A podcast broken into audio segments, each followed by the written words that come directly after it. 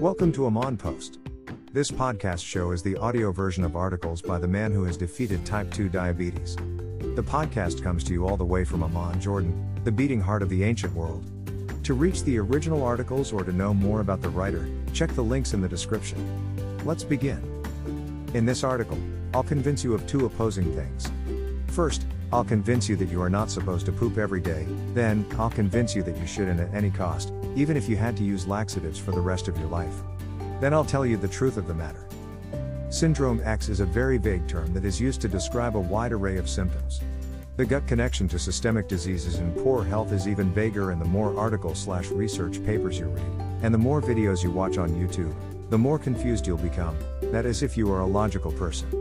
If you're not, then your brain will get stuffed with bits and pieces of useless illogical information, and at the same time, you'll assume you know everything to know about the subject. But you're still suffering from poor health. So, should you consume fibers or not? Even the most knowledgeable keto fanatics fall into the trap of fiber. Fiber supplements and regularity, that is, pooping every day at the same time, aren't natural. It doesn't match how our bodies are designed to operate. Ironically, advocates of paleo and the ancient ways give fiber recommendations. Adding psyllium husk will deteriorate most people's health instead of improving it, in my experience. In the same sense, as high carbs and high protein diets do. You do not want items that ferment or rot to stay in you for long. Have you ever forgotten the already drank empty protein shaker in your gym bag? How did it smell when you opened it? Even if it were pure whey isolate and you didn't add any carb source, it will still smell horrible. Proteins rot and fibers ferment. We are designed to have your intestines empty for extended stretches. Small keto non allergic meals are a hack.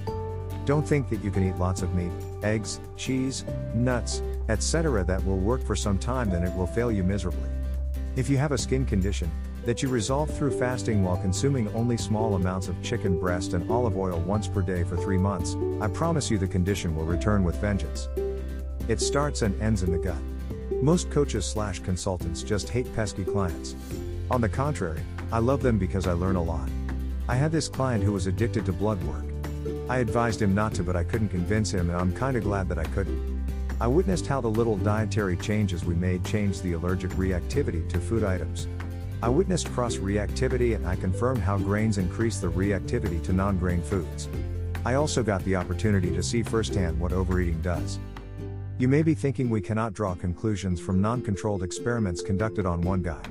I won't try to defend this point, but I want you to ask yourself the following questions Why did you even think about criticizing the paragraph and bringing up the scientific experimentation standards? Why did you think that if something hurts a guy, then it won't necessarily hurt you? Although you'll be right to discredit the conclusions, my point is that we always use logical justifications to resist change rather than using our logic to correlate. Although we, humans, are the most diverse creatures, we are still all humans. We all have intestines, we all have reactive immunity systems. Who cares what our IgG and IgE? What we care about is to look and feel good. Eliminating the manifestations of bad nutritional habits should be the first order of business. The manifestations are where our genetic and epigenetic diversity plays its part. It's a skin condition called seborrheic dermatitis for yours truly, and it can be achy joints for you. So, what if you followed all the recommendations and you're still constipated?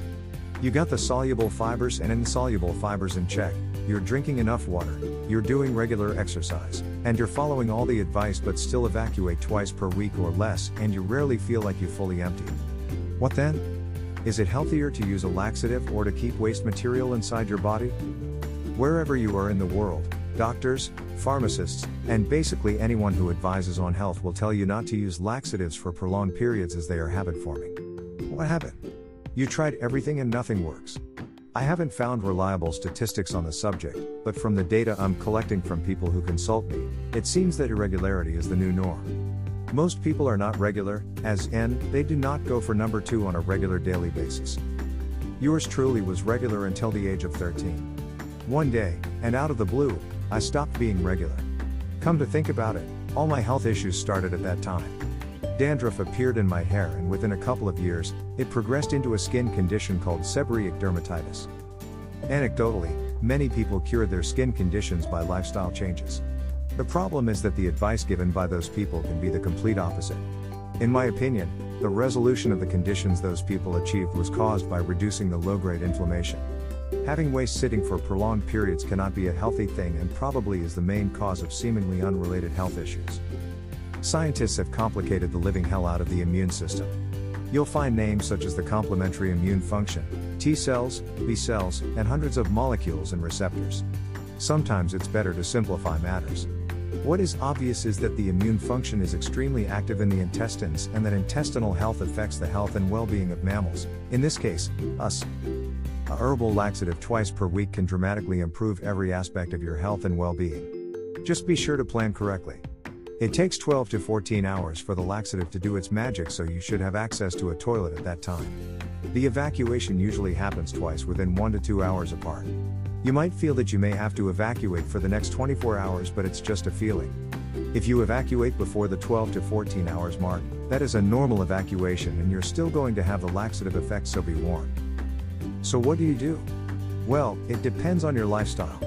If, for example, you follow a keto based lifestyle with intermittent fasting for most of the week and you can control your appetite when you consume calorie dense foods, then you got nothing to worry about.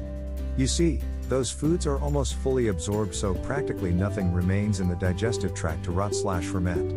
If you suffer from sluggish intestines, I highly recommend you follow the above mentioned lifestyle. Do consume avocados and supplement with magnesium. You should avoid leafy greens and grains. There are a few people who are blessed with guts of steel who are not affected by grains regardless of the quantity. What works for those blessed individuals won't work for most of us. The matter of the fact is that most people cannot tolerate gluten to some extent and would do much better in terms of wellness and achieving their fitness goals if they manage to eliminate bread and most grains. It's easier said than done unless you learn a few hacks that will guarantee your success, and that's exactly what I'm going to teach you in my future articles. The same goes for leafy greens. For people with impaired motility, the leafy greens will remain in the digestive tract for extended periods. Instead of being healthy for you, the overfermentation will cause systemic inflammation, a skewed microbiome profile, and result in poor health.